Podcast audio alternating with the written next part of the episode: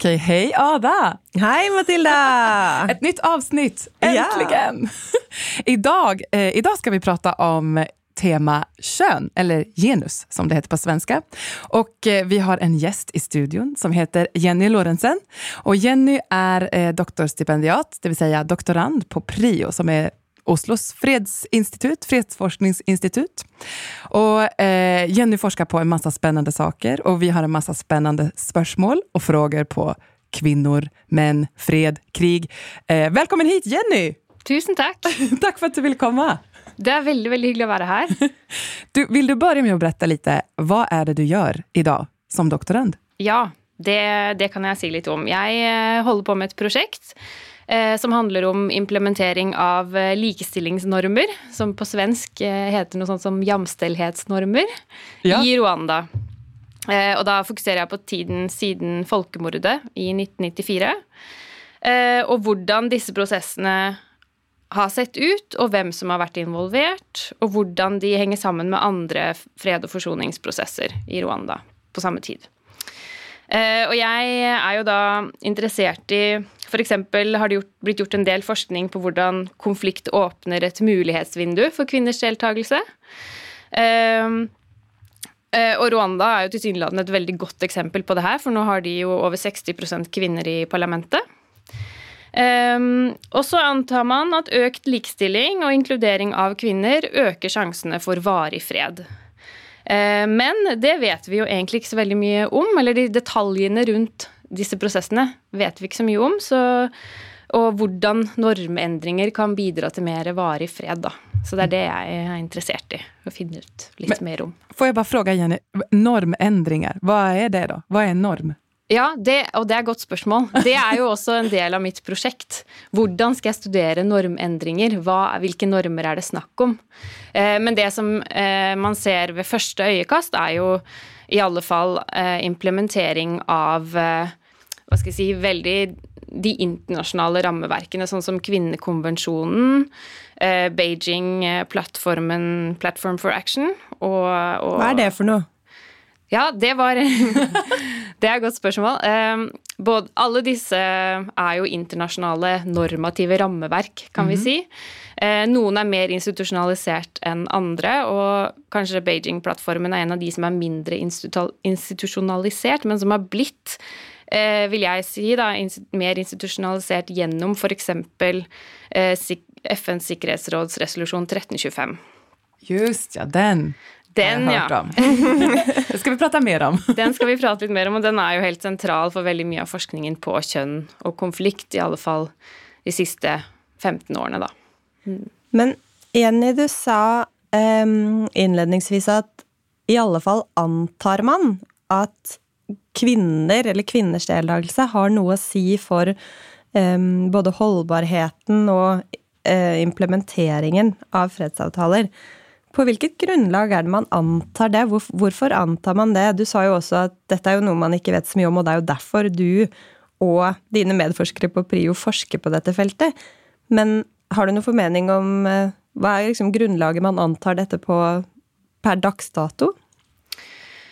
Eh, jo, altså det vi vet, da, er jo at eh, Man har jo forsket en del på eh, sammenhengen mellom likestilling og fred. Så det vi vet, er jo at eh, man har funnet ut at land som har høyere nivåer av likestilling, eh, er, er eh, går mindre i krig, er mer fredelige, og spesielt når dette er i kombinasjon med høyere grad av demokrati. Så da gjør man jo selvfølgelig den antagelsen eh, basert på det. Eh, men eh, ja, så har man også funnet ut at hvis man har likestilling mellom kjønnene, så er det mindre sjanse for at det blir borgerkrig eller innomstatlig krig. Men dette med at liksom kvinners deltakelse fører til hva skal jeg si, mer og bedre fred, det, det tenker jeg at vi ikke kan si helt sikkert. Fordi hvordan Altså sånn Kvinners deltakelse i fredsforhandlinger har vært utrolig lav. Mm. Så, så den, ikke så vanlig, liksom? Ikke så veldig Nei. vanlig. Mm. Så, så, den eh, Jeg vil si at vi har jo ikke hatt nok bevis å forske på engang. Altså, vi har ikke nok empiri til å på en måte si at vi kan si det med sikkerhet. Mm. Um. Og, men det tenker jeg henger sammen med flere ting. Det at eh, kvinner er fraværende i fredsprosesser. Det ene er jo at det finnes få kvinnelige diplomater på toppnivå. Um, her i Norge har vi uh, tidligere utviklingsminister Hilde Frafjord Johnsen, som var veldig sentral i fredsprosessen i Sudan, før Nord- og Sør-Sudan uh, ble delt i to stater. Um, men det er ikke så veldig mange profilerte kvinnelige verken toppdiplomater eller politikere, og det er på en måte den elitistiske biten av det, hvis man kan si det sånn. Og i tillegg så kommer sivilsamfunnsorganisasjoner og aktørers deltakelse og bidrag i prosesser hvor kvinner også i mange fredsprosesser har vært eh, underrepresentert. Er det Hva tenker du, hvor skal man begynne? Jobb, man jobber parallelt langs de to sporene og prøve å øke kvinnedeltakelse både på toppnivå og uh, i sivilsamfunnsorganisasjoner, eller er det bedre å begynne ett sted? Um, jeg vet ikke om jeg eh, kan si om det er bedre å gjøre det ene eller det andre, men jeg opplever, uh, sånn som jeg følger det feltet nå, at man gjør begge deler. Uh, men jeg vil jo si at kvinners deltakelse er et uh, lederansvar i fredsforhandlinger, selvfølgelig, og, og, det å utnevne fredsmeglere og disse forhandlingsteamene At det, det er jo et ansvar hos de som gjør det. Um, ja, og, og, da er det jo f.eks. FN er et godt eksempel, hvor de ikke har, ikke har, vært så veldig flinke til det. um, Og det, og det, er jo sånn som du sier, de henger sammen med hvem er det som rekrutteres, og hvordan er det de rekrutteres. Det er tidligere statsledere og utenriksministre og forsvarsministre, og da er det jo ikke sånn kjempemange kvinner å velge mellom. Eh, og, så er det ofte sånn at har du først fått ett oppdrag, så får du gjerne et nytt. Um, så jeg tenker at man må endre måten man gjør rekrutteringen på. Uh, men ikke bare det, man må jo også endre synet på hva som anses som en eh, Hva skal jeg si en kompetanse som gjør deg kompetent til å ha en rolle i disse forhandlingene. For hvis du Det er jo ikke sikkert at det å ha vært forsvarsminister gjør deg spesielt kompetent som fredsmegler. Så den linken er jo på en måte ikke noe som jeg tenker at er en selvfølgelighet. Um, Men du, når du forsker i dag, du har jo precis begynt, eller hur? Um, och jag glömde nämna också att du inte bara på Prio, utan du är också i Lund. Ja. På Lunds universitet, där Karin Aggestam är professor, det finns en massa andra fredsforskare. Men när du forskar, uh, är, det, är det på medling, eller du nämnde försoningsprocesser? Ja, min, mitt doktorgradsprojekt mm. handler jo om uh, egentlig postkonfliktperioden. Uh, När liksom man har ett avtal och det är slut? Ja. Mm. mm. Men jeg har uh, jobbet mye med altså, forskjellige ting. Før mm. jeg begynte på doktorgraden, så jobbet jeg uh, på Prio uh, som forskningsassistent på litt forskjellige prosjekter. Og da hadde vi blant annet, eller vi har fortsatt, et prosjekt som er i samarbeid med FNs avdeling for politiske spørsmål. Altså de som megler fred i FN. Eh, og en finsk organisasjon som heter Crisis Management eh, Initiative. Just det, Marti Ahtisaris, yes. for dette presidentens ja, nettopp. Mm. Så sammen med dem så har vi organisert det som vi har kalt for High Level Seminar on Gender and Inclusive Mediation Processes. Det er kjempelangt navn, men det er egentlig et forsøk på å kurse fredsmeglere i hvordan de skal inkludere kvinner og kjønnsperspektiver i arbeidet sitt. Eh, og dette har vært liksom eh, eh, Da vi organiserte disse kursene her i Oslo og i Helsinki, og inviterte da disse fredsmeglerne som sitter i FN-systemet eller i regionale organisasjoner eller i hva skal jeg si, statlige utenriksdepartement.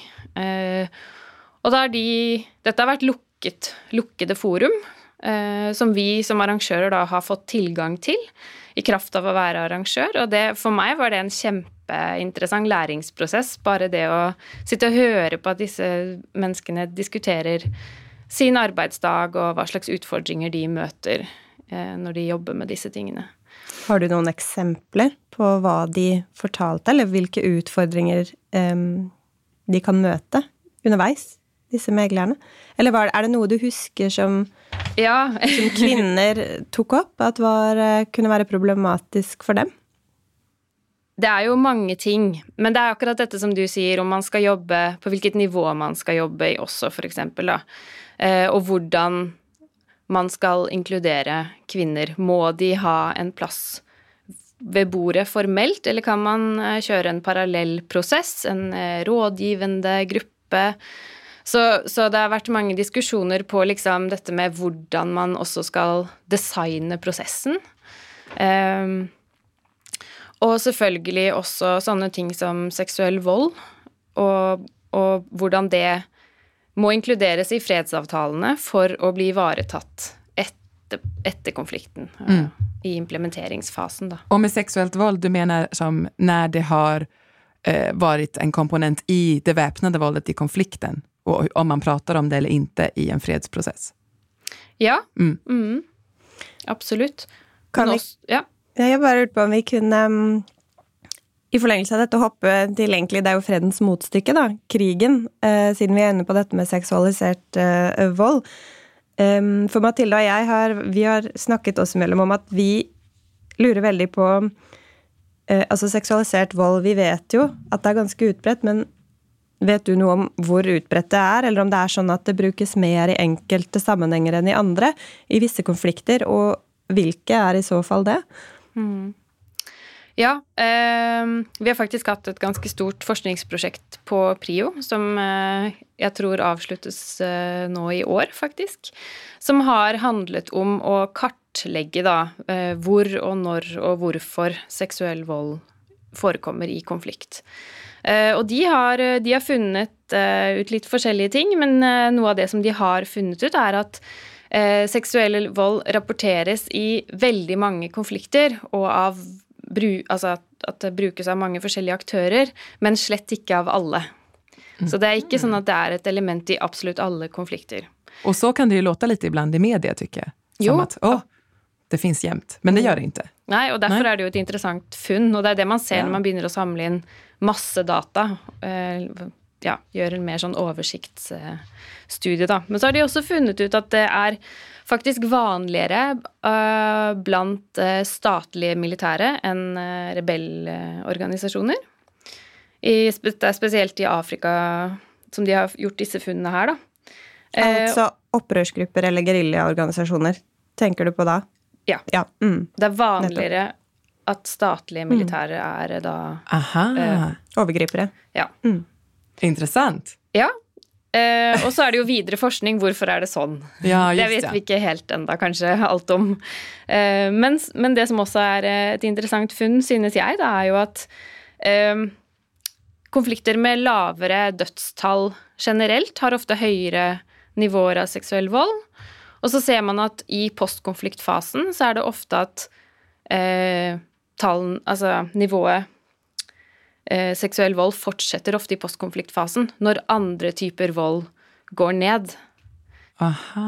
Det er jo hva, ja, hva kan man gjøre for å stanse det? Hvilke mm. tiltak er det man uh, har forsøkt? Da tenker jo jeg umiddelbart at det å faktisk uh, sette seksuell vold på agendaen i en fredsprosess, i en fredsavtale, er ekstremt viktig. Fordi man kan jo tenke seg at det som blir snakket om og nedfelt i en fredsavtale, er det som blir førende for den fasen som kommer etterpå. Mm. Just det.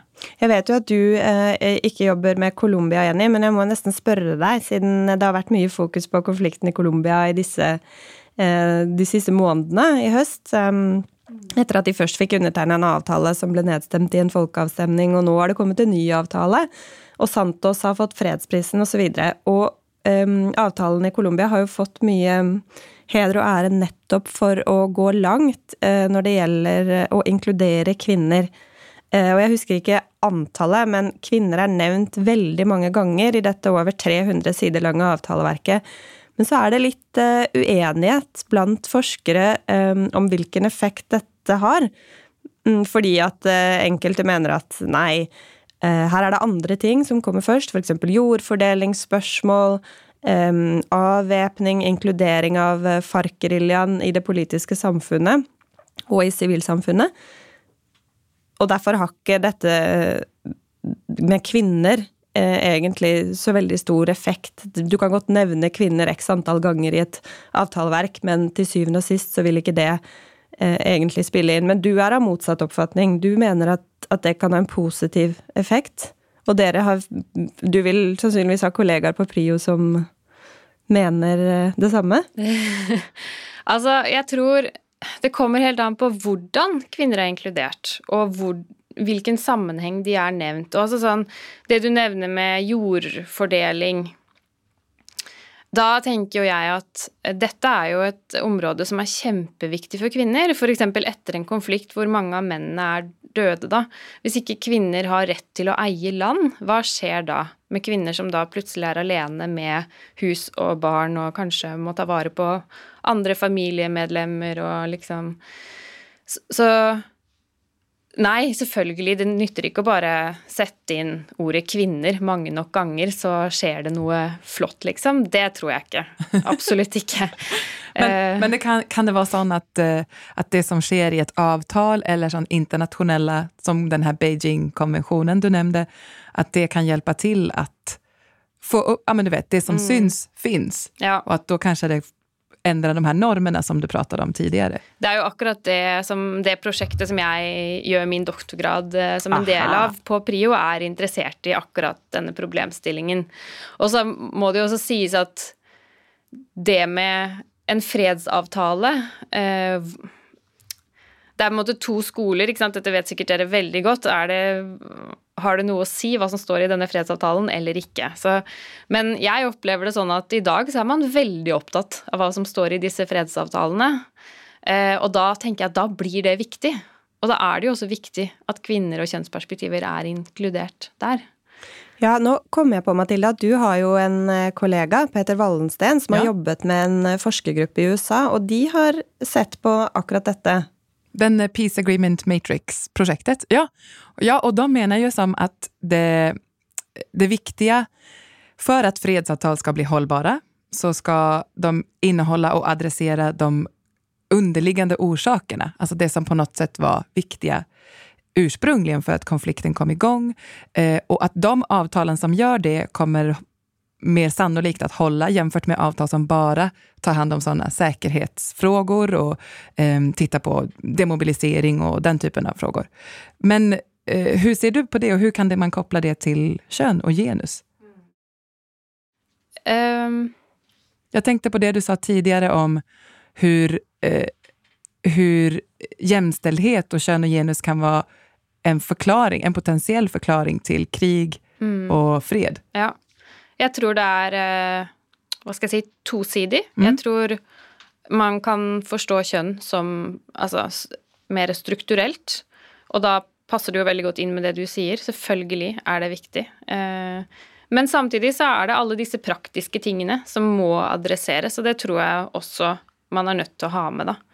som sikkerhet, da, til ja. eksempel. Ah, mm. Ja, og jeg tror man må, må jobbe med dette fra begge sider. Men jeg tror jeg er veldig enig i det du sier om at hvis man ikke adresserer de underliggende årsakene til konflikten, så, så vil man da, ja, da tror jeg jo ikke at man vil oppnå en varig fred, da.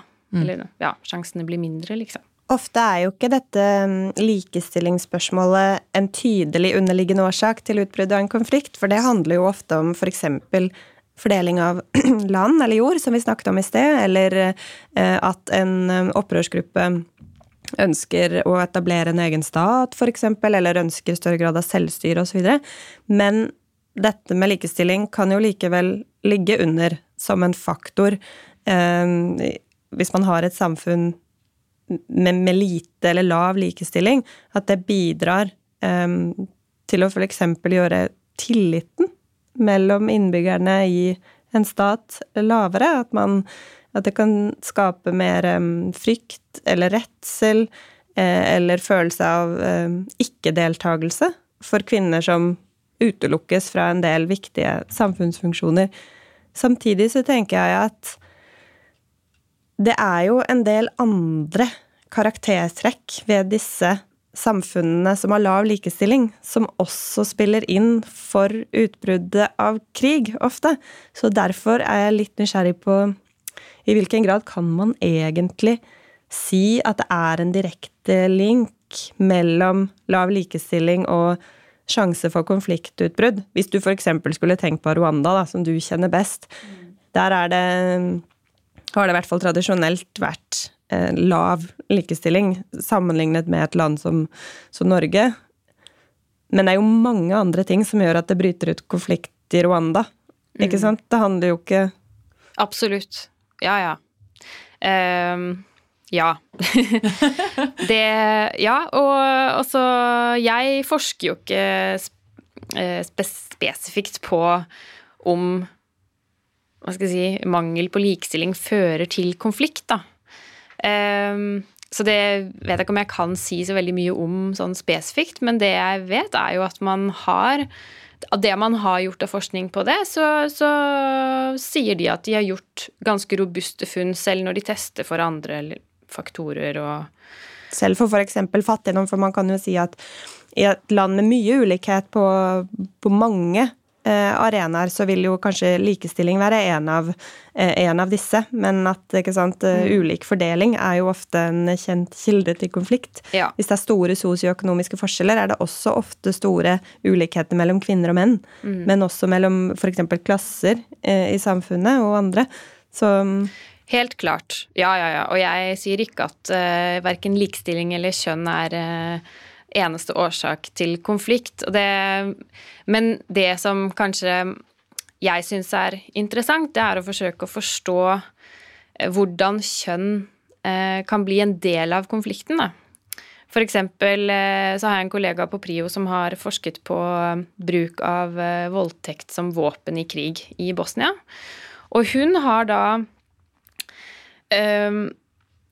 Hun viste i sin studie at Gjennom voldtekten så ble identiteten til overgriperen maskulinisert, og dermed overlegen identiteten til offeret. Og da var det jo ikke bare identiteten som mann, men også identiteten, den etniske og religiøse identiteten. Og da Og jeg tenker jo at hvis man ikke tar hen, altså hvis man ikke ser på disse strukturelle faktorene, så forstår man bare Altså man har et ufullstendig bilde av hva den konflikten dreier seg om.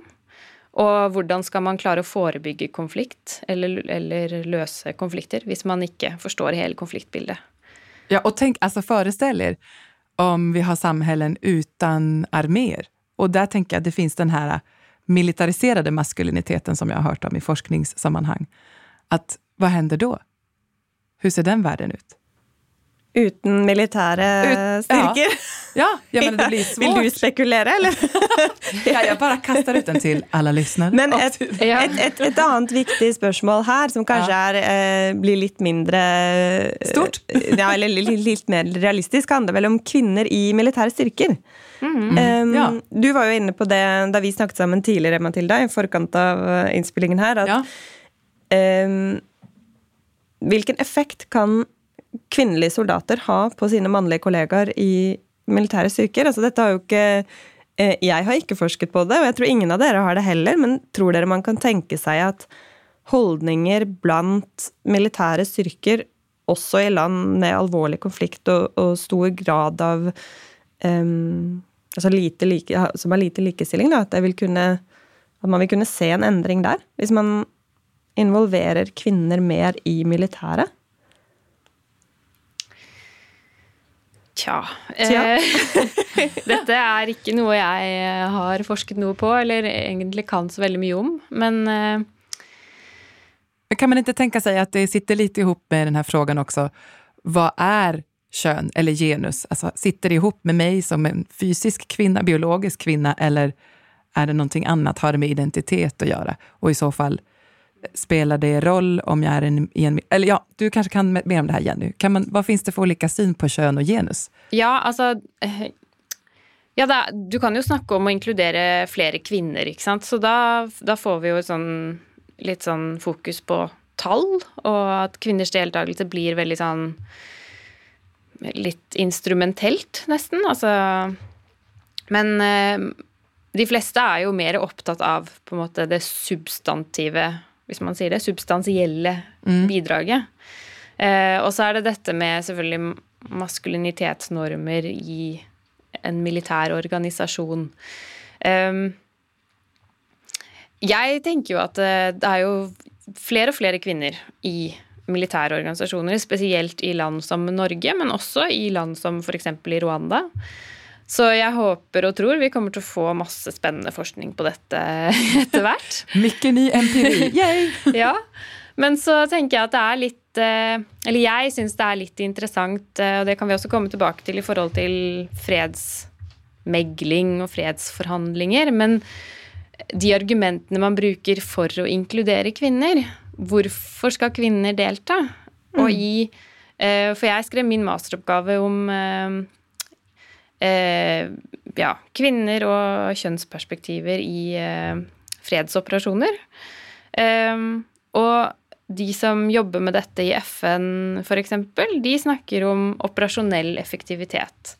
De skal ha med flere kvinner, fordi da får man eh, bedre etterretning, som det heter på norsk i hvert fall. ja, hva innebærer det, det egentlig? At ja, presis. Hva innebærer det? Jo, det innebærer jo f.eks. da at man tenker seg at eh, man har, hvis man har kvinnelige soldater, så får man tilgang på mer informasjon fordi at kvinner kan snakke med andre kvinner. Og kvinner i i felt sitter kanskje på annen informasjon enn menn, eller kanskje det ikke engang er noen menn å snakke med. Um, men for meg så er det Det er jo veldig flott hvis det stemmer, uh, og det gjør det sikkert. Uh, men jeg, jeg, bare stiller meg litt skeptisk eh, til en sånn instrumentalisering av kvinners deltakelse, fordi jeg tenker at for, Man kan jo se på kvinners deltakelse som et rettighetsspørsmål, at man har rett til å delta, og et demokratisk spørsmål, altså man skal være til stede i forum der avgjørelser tas som angår deg og din fremtid. Eh, og i fredsforhandlinger så syns jeg det er interessant, for da snakker man om at kvinner skal delta for å bidra til at det blir mer og bedre fred, som jeg sier. Altså sånn, det er en slags sånn målbar effekt av kvinners deltakelse som man leter etter, og det er litt det vi ser um, Litt sånn etterspørsel fra beslutningstakere og politikere på denne type forskning.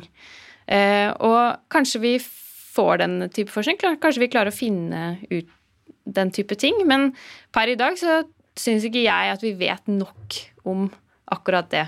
Mm. Uh, det betyr at vi må forske mer på det. Det må vi. Men, og i den forbindelse så lurer jeg uh, nå ganske avslutningsvis uh, på om det er bare kvinner som forsker på kjønnsdimensjoner ved fred. For jeg vet at dere er mange kvinner i denne kjønnsgruppa på PRIO. Veldig mange flinke forskere, inkludert deg.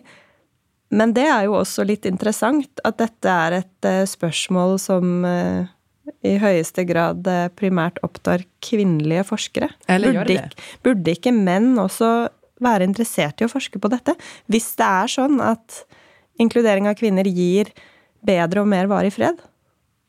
Jo, de, de burde jo absolutt være opptatt av det. Det syns jo jeg. Eh, eh, men ja, hos oss er det flest kvinner. Men vi, vi merker jo en økende interesse for tematikken mer generelt, eh, både fra på en måte kvinner og menn. Og jeg tror det er noe med det at bare det å tenke på kjønn, hva det har å si for hvordan vi forstår det vi jobber med, er ganske nytt i veldig mange sammenhenger. Så det at man liksom har, opplever en sånn økende interesse fra forskjellige fagfelt, fra forskjellige grupper da, på dette her, det, det tror jeg også kommer til å føre til at flere og flere menn kommer til å jobbe med akkurat det.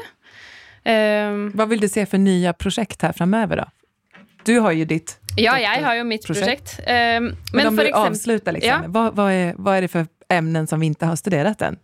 Som skulle være viktige? Ja, um, jeg tenkte jeg skulle nevne For det er et stort prosjekt som har sett på dette med inkludering i fredsprosesser. Uh, og som uh, har, har, funnet ut at uh, de har sett på 40 fredsprosesser. Og så har de funnet ut at der hvor kvinner har deltatt, så eh, har man eh, sett større sjanse for at freden har blitt varig, osv., osv. Men dette er, dette er ikke sant, én studie. Uh, og jeg tenker at det er akkurat sånne prosjekter som vi kanskje trenger mer av, og som vi også kommer til å se mer av etter hvert som kvinners deltakelse blir mer vanlig i den type prosjekter. Nei, i, unnskyld, i uh, fredsforhandlinger. Men da er vi på en måte tilbake til begynnelsen av eh, sendingen her, hvor vi snakket om ja, kvinners deltakelse, men på hvilken måte? Så det prosjektet du refererer til nå, er det at kvinner har vært involvert på ulike nivåer i prosessen, eller handler det om at kvinner har vært involvert på elitenivå faktisk sittet ved forhandlingsbordet? Ja, de har sett på faktisk forskjellige typer inkludering. Og det er, de er også et prosjekt som ikke så på kvinner spesielt. De så på eh, generelt mer inkluderende fredsprosesser for mange typer grupper og mange typer in inkludering. Eh, men de fant da noe interessant når de så på kjønn. Eh, så ja. Vi får se. Alla nivåer verkar intressanta. Och eh, Jenny, du kommer ju forska videre på ditt projekt. Ja. Så vi kanskje får tilfelle å bjuda in Peace Out, femårsjubileum, fyraårsjubileum. Da kanskje vi får bjuda in deg igjen og høre hva du har kommet fram til i Rwanda om kön, forsoning og fred. Da kommer jeg gjerne. Ja! Tusen takk for at du kom hit i dag. Tusen takk for meg. Vi avrunder her og nå, eller hur Ada? Det gjør vi. Nå takker vi for oss. Her er det julestemning i studio, så nå, nå skal det bli godt å spise pepperkaker.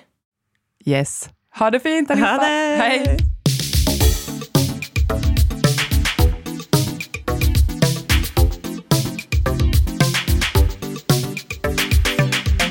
Be out and go deal.